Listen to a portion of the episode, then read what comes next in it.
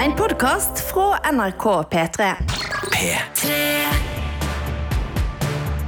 Dette er Filmpolitiets podkast. Velkommen til Filmpolitiet med Sigurd Vik, Birger Vestmo og Ingvild Dybfestdal. Høsten er høytid for oss som elsker film og serier, med stadig lengre kvelder, kaldere dager og ypperlige forhold for kino- og sofakvelder. Og en av sjangrene som har ekstra gode dager denne høsten, er kostymedramaet, eller epokedramaet om du vil. På kino kan vi nå se Johnny Depps comeback i Jean du Barry. På HBO Max er The Gilded Age sesong to godt i gang. På Apple TV Pluss kommer The Buccaneers med to norske hovedroller denne uka. Neste uke begynner også finalesesongen av Netflix storserie The Crown, og senere i november så kommer Ridley Scotts storfilm Napoleon på kino. I denne episoden skal du få dommen over både Jean du Barry, The Gilded Age og The Buccaneers, og du skal få noen tips til andre velkledde favoritter. Men først, hva er det som kjennetegner kostymedrama, og hva gjør det til en så stor sjangerglede for mange, Ingvild? Ja, Som navnet jo er inne på, så er jo kostymer en del av dette. Ofte så tenker i hvert fall jeg på fantastiske kostymer fra andre århundrer, men det kan jo selvsagt også være fra nyere tid, som i The Crown eller Norske Lykkeland. Men dette er altså dramaer satt i en annen tid, og mye av gleden ligger i at de oftest handler om veldig banale og universelle temaer, som kjærlighet, bedrag, uskyld, klasseforskjeller og forvandling. Du får altså her utforska ekstreme følelser, men uten noen reell trussel. Så den handler om fortida, men sier noe om nåtida. Og det er jo selvfølgelig nostalgiglede i dette her også, og litt at vi romantiserer historien. Og så syns jeg også det er viktig å påpeke at vi ofte følger veldig velstående familier, kongelige eller adel. Og for et moderne publikum nå, da, midt i en økonomisk krise, så kan jo den type dramaer gi flukt eller eskapisme til en verden der du kan drømme deg bort. Og samtidig så kan det jo være litt betryggende å vite at verden du lever i, tross alt har litt flere rettigheter for flere, og litt flere fasiliteter. Velkledd eskapisme. Birger, hva har du å føye til her? Altså, det handler jo om måten vi kan drømme oss vekk på til en enklere tid, som selvfølgelig ikke var enklere, men som kan virke sånn når vi ser disse kostymedramafilmene, der vi kommer inn i en idyllisert virkelighet, der vi på en måte vi, vi, vi kan spillereglene, for vi vet jo litt om de sosiale normene som disse kostymedramahistoriene er prega av. Det er veldig enkelt for oss å eh, se hvem som er hvem i disse filmene. Hvem som er helt og skurk, og hvem vi skal tillegge sympati, og hvem vi skal hate, eller i hvert fall mislike ganske sterkt, da. Så som Ingvild sa, det er noe betryggende å komme inn i et eh, rammeverk som er forutsigbart på en god måte, der vi veit utgangspunktet, og der vi vet at det fins dramatikk i de linjene som tegnes opp, som kan bli spennende for oss etter hvert. Og så må vi jo være, som Ingvild var inne på, ganske oppmerksom på at det er jo ikke virkeligheten som speiles i disse kostymedramafilmene. Det er en romantisert versjon av hvordan de hadde på 1700- og 1800-tallet, men når vi ser tilbake med 2023-blikk, så kan det fortone seg som et, en spennende tidsalder å, å, være i, som mangler mange av de distraksjonene vi sjøl har. For vi, vi syns jo vi, vi, har veldig eh, kompliserte liv. Eh, det er mye som foregår hele tida. Det samme var nok tilfellet også på 1700- og 1800-tallet, bare på en litt annen måte, men ikke i de kostymedrama historiene vi blir servert som regel da, på film og TV, der virker alt litt enklere, litt eh, mer forutsigbart. Eh, litt mindre komplisert å forholde seg til, så det er vel kanskje også en av grunnene til at vi liker kostymedrama så godt som vi gjør. Altså dette, det er jo viktig å si, dette er jo ikke noe nytt i kostymedramasjangeren. Den har vært populær siden eh, Tatt av vind i 1939. Eh, men vi har jo sett en oppsving. Eh, både etter Downton Abbey, som kom i forrige finanskrise, altså som kom i 2010. Eh, den fikk rundt 10 millioner seere av premieren. Og etter Bridgerton, som kom i 2020, i pandemien, og satte seerrekord for Netflix. Og Downtons, Downtons suksess i USA bidro jo også til at Netflix turte å satse masse penger på The Crown, som kom noen år senere. Og jeg syns det er interessant det her at i mørke tider, da, når verden er vanskelig, så skulle en kanskje tro at seerne vender seg bort fra luksus og overflod, som i den herre Eat the rich-trenden som flere mener vi er inne i, der Gen Z disser kapitalisme, og flere kjøper fake merkevarer, kjent som dupes. Og flere nyere filmer og serier, som eksempel Succession, Triangle of Sadness og The Fall of the House of Usher, viser jo rikinger som eklinger. Dette har Filmpolitiet vært inne på før. Fins egen podkastepisode dere kan søke opp. Brekkekle rikinger kaller vi dem der, faktisk. Ja. Men samtidig så virker det jo som at vi virkelig elsker kostymedrama i like stor grad som før, om ikke større grad. Og det tror jeg er fordi det gir oss muligheten til å da flykte inn i en luksusverden og glemme virkeligheten. Og så tror jeg også at kostymedramaer er lettere å svelge enn serier satt i nåtiden, nettopp fordi dette historiefilteret da gjør at vi lettere svelger klasseforskjeller, rasisme og kjønnsdiskriminering. Så det blir både relaterbart og fjernt på samme tid. Også som kvinne så må jeg også påpeke noe professor Kate Byrne, som forsker på kostymedramaer ved Ulster universitet, har sagt.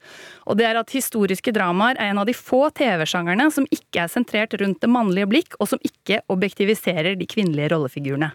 Derfor syns jeg jeg kan si heia kostymedrama. Heia kostymedrama. Eh, og eh, nå har vi jo snakka et veldig raskt riss gjennom det historiske, men det er altså sånn at denne høsten bugner av eh, kostymedrama, og vi skal rett og slett få en liten eh, dom over de aller ferskeste her nå, og da skal vi starte med den som er ukesfersk, og som har eh, premiere på Apple TV+, og som har, jeg kalte det to norske hovedroller. Det er mulig Ingvild kommer til å, å nyansere det litt, men vi snakker da om eh, serien The Buccaneers. Ja, og den har jeg altså kalt eh, Rølpete ekteskapspirater. Dette er jo et kostymedrama for generasjon Z, eh, basert på en uferdig roman av Edith Wharton, hun som også skrev Uskyldens tid. Og jeg vil si at serien sikter et eller annet sted mellom Skam, The Gilded Age og familien Bridgerton. Eh, Den handler om en venninnegjeng eh, med unge, rike amerikanske arvinger som drar over sundet, altså til England, for å finne seg ektemenn, og da selvfølgelig helst titler, på 1870-tallet. Og Hovedpersonen er Nan St. George, spilt av Christine Frøseth. Hun har vi jo sett i Looking for Alaska, og som en ung Betty Ford i The First Lady. Og hennes venninne Conchita, spilt av Alicia Bø, kjent fra 13 Reasons Why og Do Revenge. Og begge disse skuespillerne, som Sigurd sa, liker vi å kalle norske. Jeg syns det også er riktig, for de er delvis oppvokst i Norge, i hvert fall. Og Conchita er det mest brautende av amerikanerne, som eh, alle blir en sånn rølpete kontrast da, til de stive britene. Og mens britene forakter amerikanerne, så trenger mange av de gamle adelige familiene penger.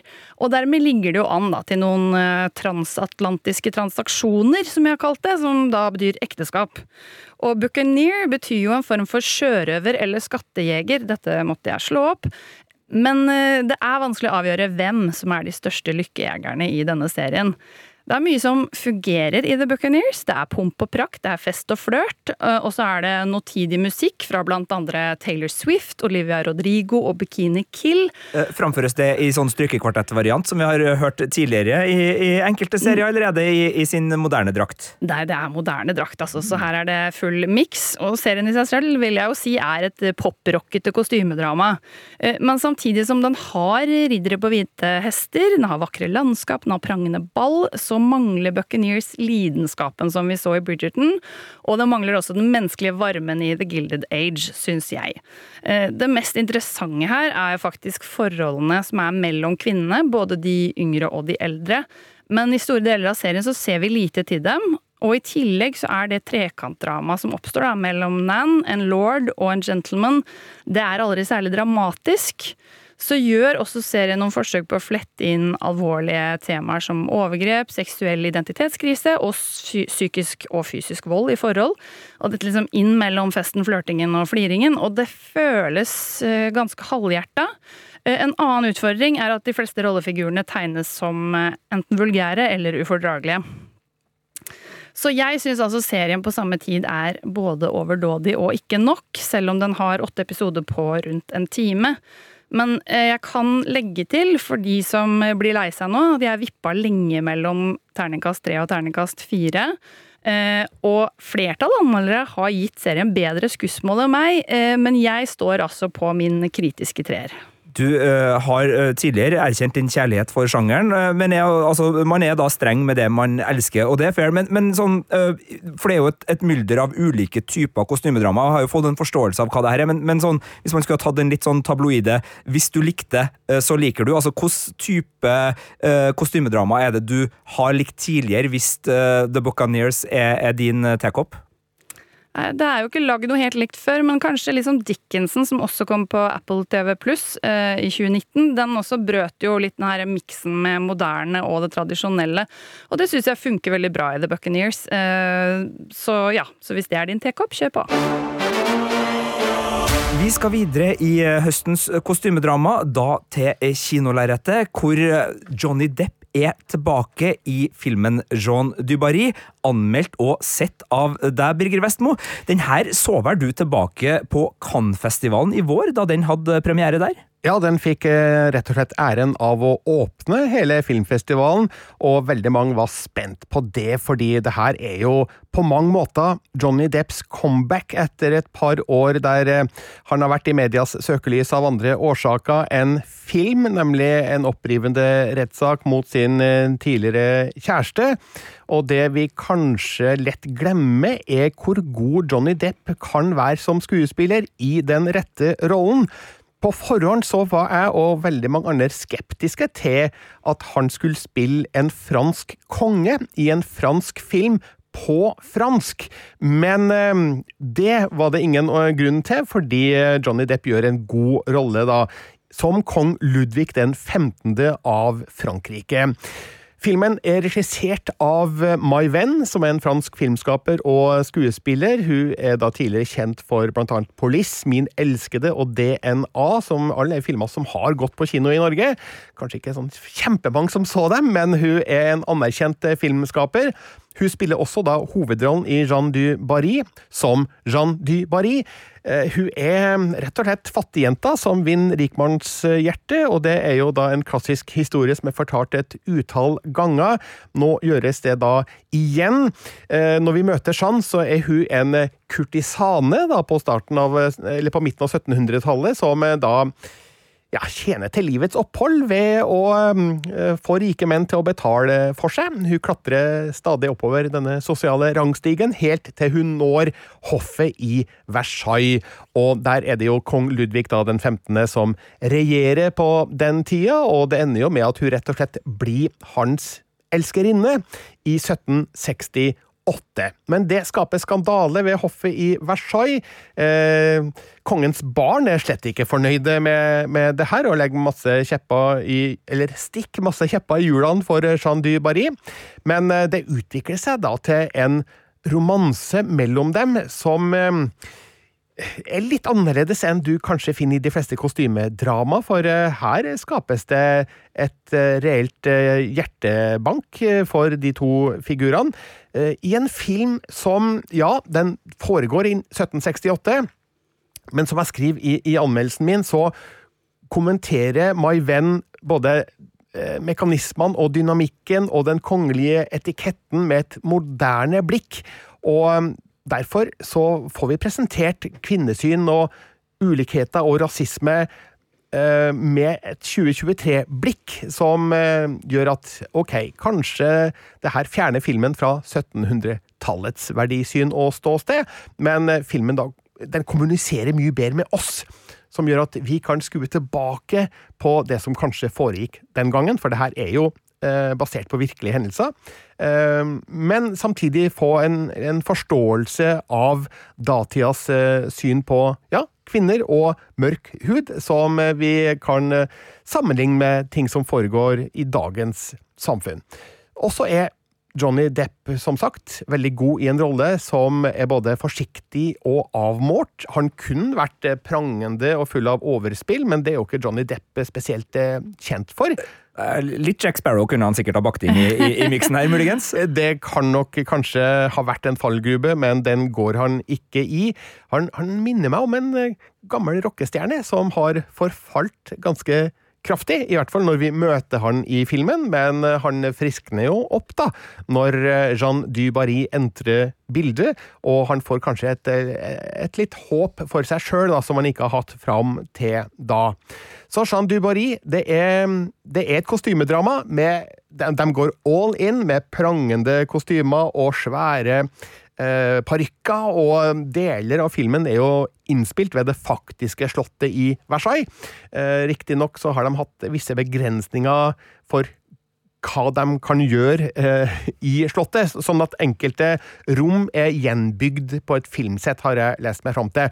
Men eh, vi får blant annet flere scener fra en berømt speilgang eh, på Slottet i Versailles, og flere utendørsscener også, da, som virkelig beskriver forholdene som kong Ludvig den 15.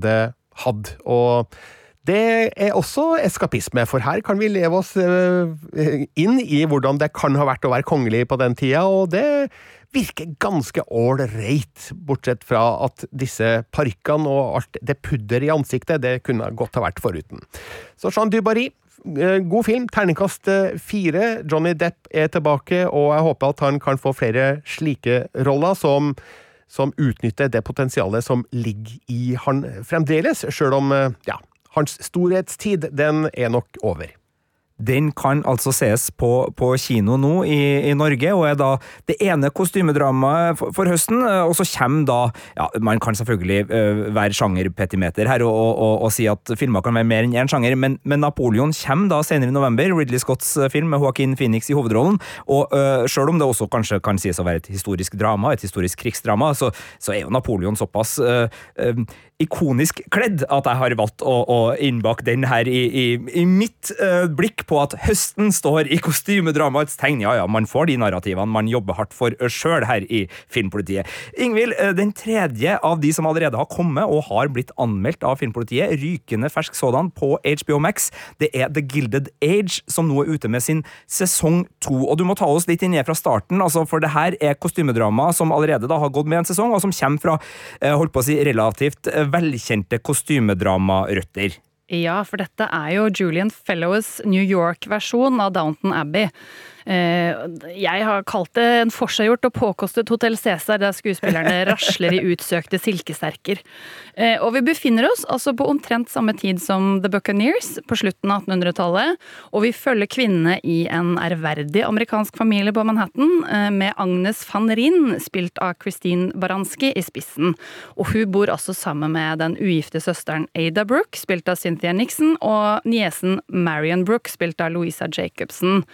I sesong én så fikk de nye naboer, den nyrike Russell-familien, ledet an av det ambisiøse damplokomotivet Bertha Russell, spilt av Carrie Coon. Og jeg har jo sagt da å stå for at The Gilded Age er like mye en følelse og en stemning som et handlingsdrevet drama, men vi får snerten dialog, vi får maktspill, intriger, historisk relevans, stilsikker scenografi og overdådige kostymer. Og i andre sesong så aner vi tilløp til flere romanser. Det er fortsatt krig mellom nyrike og gamle penger.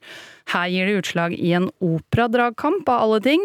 Eh, og det er utforsking av rasisme og fagforeningsdannelse, så de prøver liksom å dra inn eh, hva skal vi si, noen mer sånn sosiale temaer enn eh, tidligere. Og en sidehistorie med Agnes eh, svarte sekretær Peggy Scott, spilt av Denis Benton, er blant de mest interessante, men problemet er at den føles aldri som den blir en ordentlig del av helheten. Og jeg syns altså gjensynet med The Gilded Age eh, er gledelig. Eh, den viser jo altså den store revolusjonen i samfunnet, og den lille revolusjonen for The Real Housewives of New York, som vi har blitt enige om at vi kan kalle de. Så sesongen har kostymer, rikingdrama, enkelte paralleller til dagens samfunn som vi kanskje kan lære noe av, eh, men du kan også bare la deg underholde av glatt overflod. Og her landa jeg altså på en sterk firer.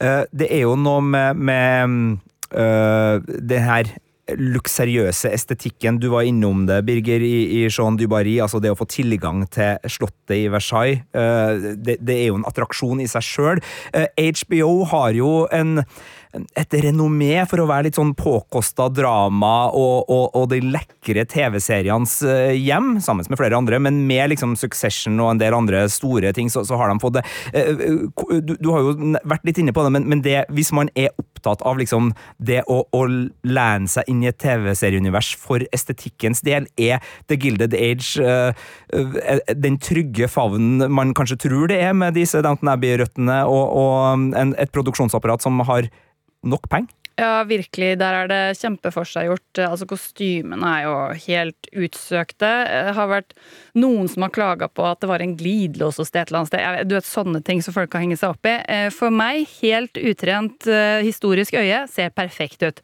Nydelige, flotte kostymer. Og de har jo også bygd opp flere av disse husene, selvfølgelig da interiørene. eh, Og de ser bra ut utenfra også, men sånn, du vet eh, massive trapper hvor folk går ned og til og med kan sette opp en liten operastykke inne i hjemmet sitt fordi det er så dekadent og deilig.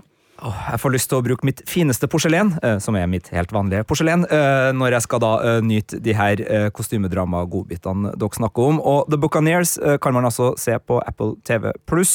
Jean Dubarry går på kino, og eh, The Gilded Age, både sesong 1 og nå da også med sesong 2, er på HBO Max. Så det var eh, tre ferske, men nå skal vi også gi dere tre eh, fra eh, favorittskattkista her. Vi skal ikke sende dere eh, tomhendt ut i det hele tatt i, i høstmørket uten enda flere eh, kostymedrama-favoritt. Eh, favoritter. Eh, og Birger, du skal få starte med en film jeg vet du klinka til med en sekser på terningen til.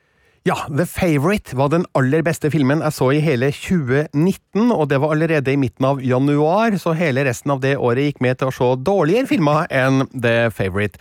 Eh, Det her er jo da en film av den greske regissøren Jorgos Lontimos, som eh, allerede hadde gjort seg bemerka med The Lobster og The Killing of a Sacred Deer. Og jeg kan jo si at han allerede i januar neste år vil gjøre seg ekstremt bemerka på norske kinolerret med Poor Things, som jeg så på filmfestivalen i Venezia i høst.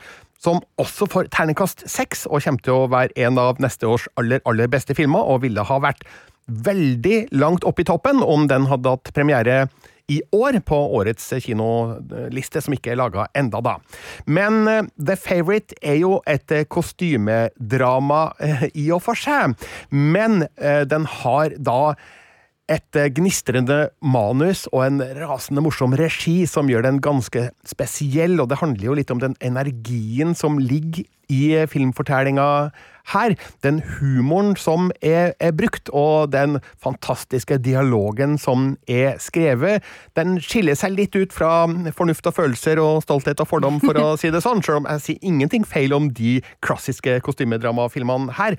Men eh, The Favourite eh, den tok meg på senga og mora og engasjerte meg gjennom hele spilletida. Handlinga foregår her på eh, 1700-tallet, litt tidlig på 1700-tallet. Eh, England er i krig med Frankrike. Eh, Landet styres av dronning Anne, spilt av Olivia Colman, som da fikk Oscar for sin hovedrolle her. Jeg må bare si at eh, filmen fikk jo ti nominasjoner, vant bare den ene, og det her eh, er da altså året der Green Book vant Oscar for beste film. Ikke en dårlig film, det, men en Oscar-verdig film er det på ingen som helst måte. Så der eh, ble The Favourite og en del andre filmer robba for eh, en del gjeve priser. Også beste manus gikk til Green Book av helt uforståelig grunn. Men ok, nok om det. I hvert fall så har dronning Anne en nær venn, nemlig lady Sarah, spilt av Rachel Weisz, eh, som også ble nominert og ikke fikk noe. Eh, og det er egentlig hun, da, lady Sarah, som styrer landet, fordi dronninga har litt dårlig helse. Så kommer da lady Sarahs slektning Abigail, spilt av Emma Stone, eh, til Slottet. Hun får seg en eh, jobb eh, langt ned på rangstigen, men akkurat som Jean du Barry så klatrer Abigail oppover rangstigen, med litt andre metoder da, riktignok, helt til hun får dronningas gunst. Og her blir det rett og slett en konflikt mellom Abigail og lady Sarah, og det utvikler seg til en, eh, til en en kamp! Jeg skal ikke avsløre mer enn det. Men det er utrolig morsomt, eh, og spesielt kameraarbeid, for her brukes eh, fiskeøyelinse i god kombinasjon med litt andre vanlige teknikker. Det fortsetter Lantimos med i Poor Things, som da kommer neste år.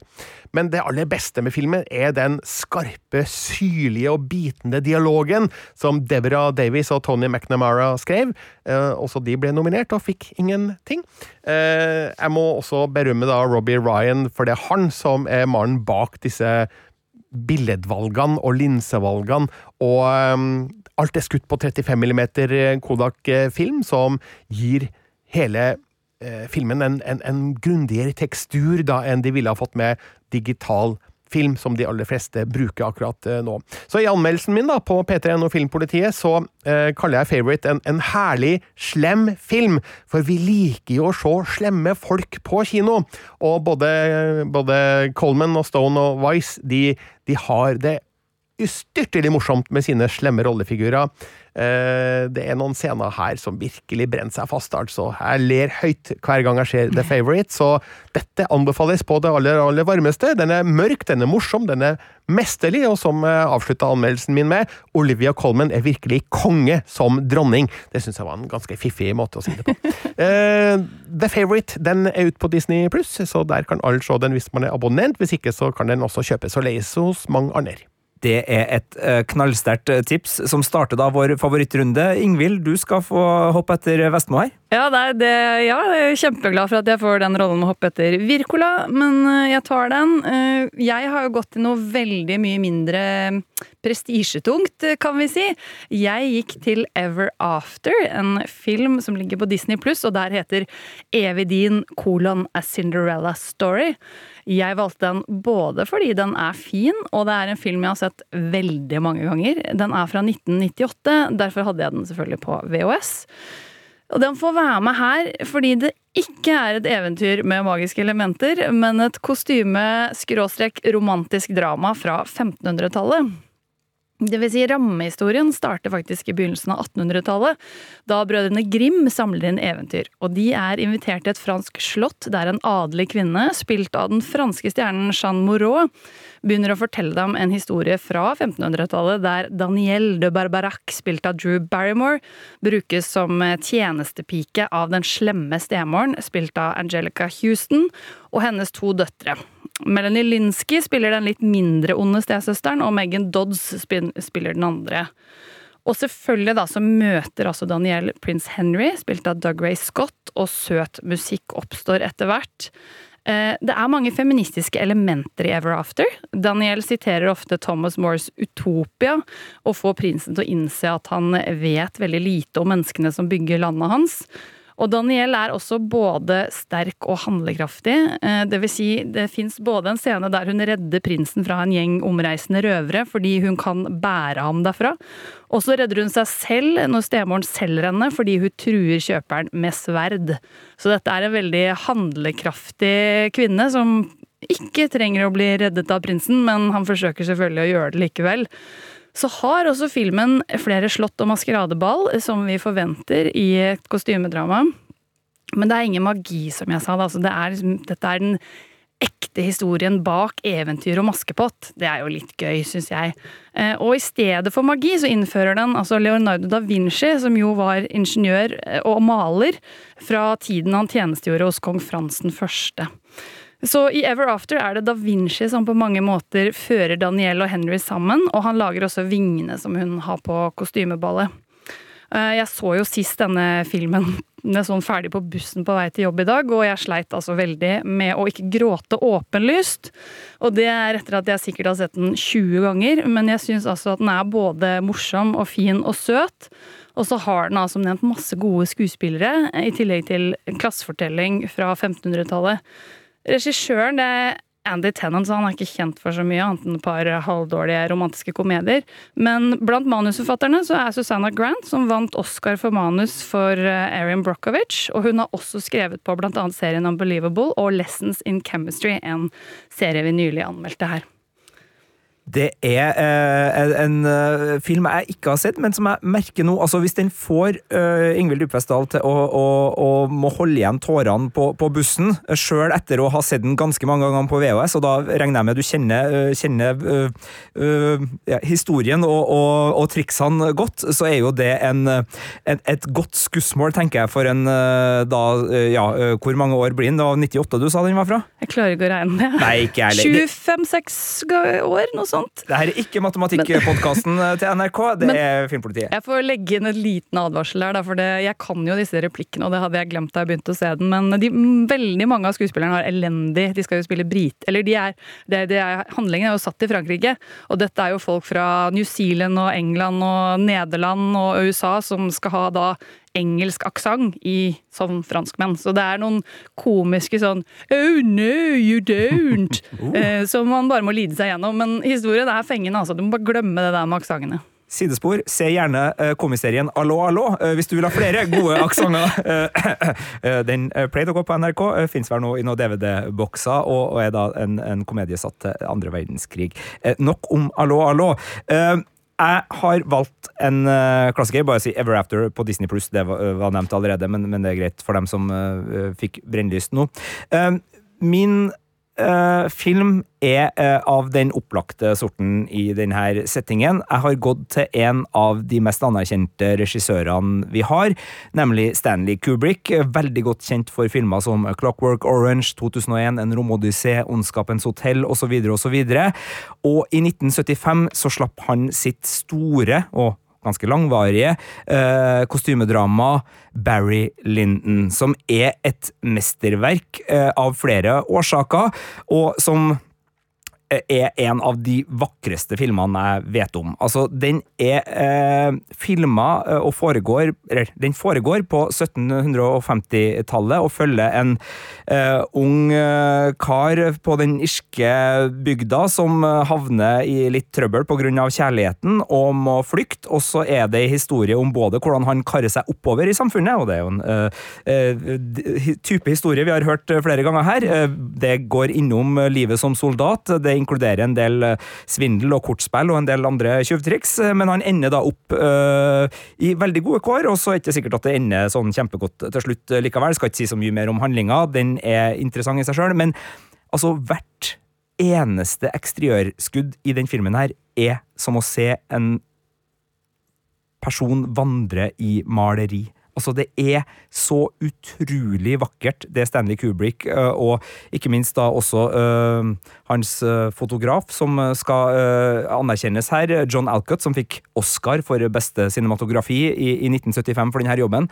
Det er altså Det er så slående vakkert, og det er så filmkunst. Altså, The Favourite har også, også det her, Birger, så skal ikke liksom prøve å slå den ene gode filmen i, i hodet med den andre, men, men helt der oppe sammen med, med The Favourite er Barry Lyndon som et et, kunstverk hvor eh, innovativ bruk av kameralinser, innovativ bruk av kameraføringer, og ikke minst hvordan de komponerer motivene sine. Det er så møysommelig, det er så forseggjort, det er så fint, og det er så smart, og det gir filmspråket en luft og en, en dynamikk som, som sjelden gjentas, og som, som løfter denne filmen litt sånn over det, det, det, gjengse, rett og slett bare i måten den, den eh, viser oss verden på.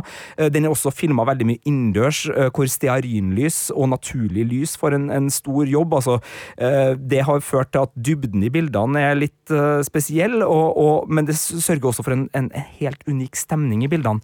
En helt unik atmosfære. og Det ble jo sagt at de sleit med, med å lufte ut plassene de spilte på, fordi de mengdene med stearinlys de brukte for å lyse opp scenene sine, avga så såpass mye røyk og, og, og, gjorde det såpass varmt og ubehagelig for disse skuespillerne som satt i meget uh, ja, avanserte kostymer, og sikkert ikke av den uh, veldig sånn uh, luftige sorten. Så, så, så, det var mye lidelse også i innspillinga av den filmen her for å få det bra, og ikke minst så var det problematisk fordi i likhet med, med Jean Dubarry så har mange av lokalene de her fikk lov til å låne til å spille inn filmen på, selvfølgelig en del sikkerhetstiltak for at de skal, skal ikke brenne. Jeg kan skyte inn at My Venn faktisk var veldig inspirert av nettopp Barry Lyndon under arbeidet med Jean du Barry, eh, blant annet med bruken av naturlig lys som eh, stearin, mens eh, Kubrick og John Alcott måtte utvikle en ny linsetype for å fange inn det, her på 1970-tallet, så måtte vel ikke My Venn det, da. Men litt interessant at hun var såpass inspirert av Barry Lyndon, men heller ikke rart, da, når man skal lage et kostymedrama fra fra kongelige omgivelser. Nei, og, og, og, det er jo en film som har mange kvaliteter. Altså, den øh, er seig. Altså, den varer på nesten tre timer. Den er bygd opp i, i, i to deler og, og, følger på en måte to epoker av Barry Lintons liv. Eh, og, den har en fortellerstemme som tar seg god tid, som ofte er vittig, men av og til bare beskrivende. Og øh, det er også sånn at Ryan O'Neill, øh, som spiller Redman Barry, også da Barry Linton etter hvert, han får bruke en del eh, sekund og minutt foran kamera i kontemplasjon, altså der han kanskje ikke nødvendigvis gjør så veldig mye, men, men du liksom du, du, lar kameraet hvile på hans ansiktstrekk, og du, du, blir kjent med den på en måte som, som filmen tillater oss å bli, bli, kjent med rollefigurer. Men den er ikke kjedelig. Eh, det, det, det, er nok et rykte kanskje denne filmen har fått, fordi den har en såpass til, til lengde og, eh, og, et såpass eh, rolig tempo, men, men hvis man investerer Eh, tid i Barry Lyndon, så får man virkelig en eh, fantastisk filmopplevelse tilbake. Både som eh, teknisk bravur og en, en film som i, står som en påle i filmhistoria, både fordi den inspirerer, som vi har hørt her, og fordi den bare liksom imponerer med de bildene du ser, men også fordi det her er en film som den har mye av det Kubrick er så god på, altså den snerten, den lille sånn det, er kantete, det er litt vondt, det er litt tragisk, det er litt fælt, det som skjer med menneskene i Kubrick sine filmer. Eh, og det her er jo basert på, på en uh, roman, så, så, manuset er jo ikke akkurat bare Kubrick sitt. altså Det her er basert på The Luck of Barry Lyndon av uh, William Makepeace, ei bok fra 1844. Men, men, det er noe med hvordan Kubrick forteller den historien, som selvfølgelig da gjør at en film som A Clockwork Orange også kan sees i, i, sammenheng med denne filmen. Eh, det er ikke a bit of the ultra-violence uh, alltid i denne, men det er a bit of the ultra-something i Barry Lyndon uh, også. Den kan ikke strømmes hos noen som har abonnement, men den kan leies og kjøpes på flere strømmetjenester, og kan også sees digitalt. Og jeg har vært så heldig å få sett den på kino i en nydelig 35 mm kopi, og, og, det anbefales også med Barry Lyndon hvis du har muligheten. altså Stanley Kubrick er jo en en av de regissørene som både Cinematek og andre av og til setter opp på kino. Eh, det er jo ikke alle forunt, men, men han er en av de, fordi han er såpass velkjent og renommert, og, og det går an å sette opp en serie. Og hvis Stanley Kubrick og Barry Lyndon dukker opp i nærheten, ja, da vet du hva du har å gjøre. Så det var siste tips ut eh, når det gjaldt eh, kostymedrama her fra Filmpolitiet i denne anledninga. The Crown, som vi da ikke har fått sett enda, men eh, der starter finalesesongen 16.11. og avsluttes med siste del 14.12., så den er på trappene.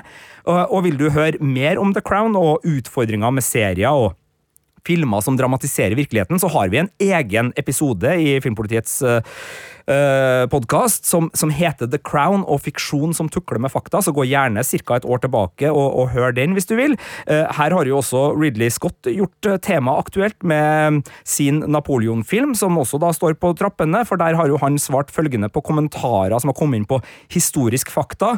Eh, Get a life var visst Ridley Scotts klare beskjed til, til de som hadde innvendinger, sagt da til The New Yorker litt tidligere her. Og både The Crown og Napoleon vil selvfølgelig selvfølgelig bli anmeldt i Filmpolitiet, så det er bare å følge med oss der. Tusen takk for oss. Lørdagsrådet. Lørdagsrådet hver lørdag fra 9 til 12. Hva har Odd Nordstoga, Ingrid Gjessing, Else Kåss Furuseth, Mikkel Niva, Hilde Skaar, Jenny Skavlan, Lars Berrum, Martin Lepperød, Linnea Myhre, Maria Stavang og Galvan Mehidi til felles?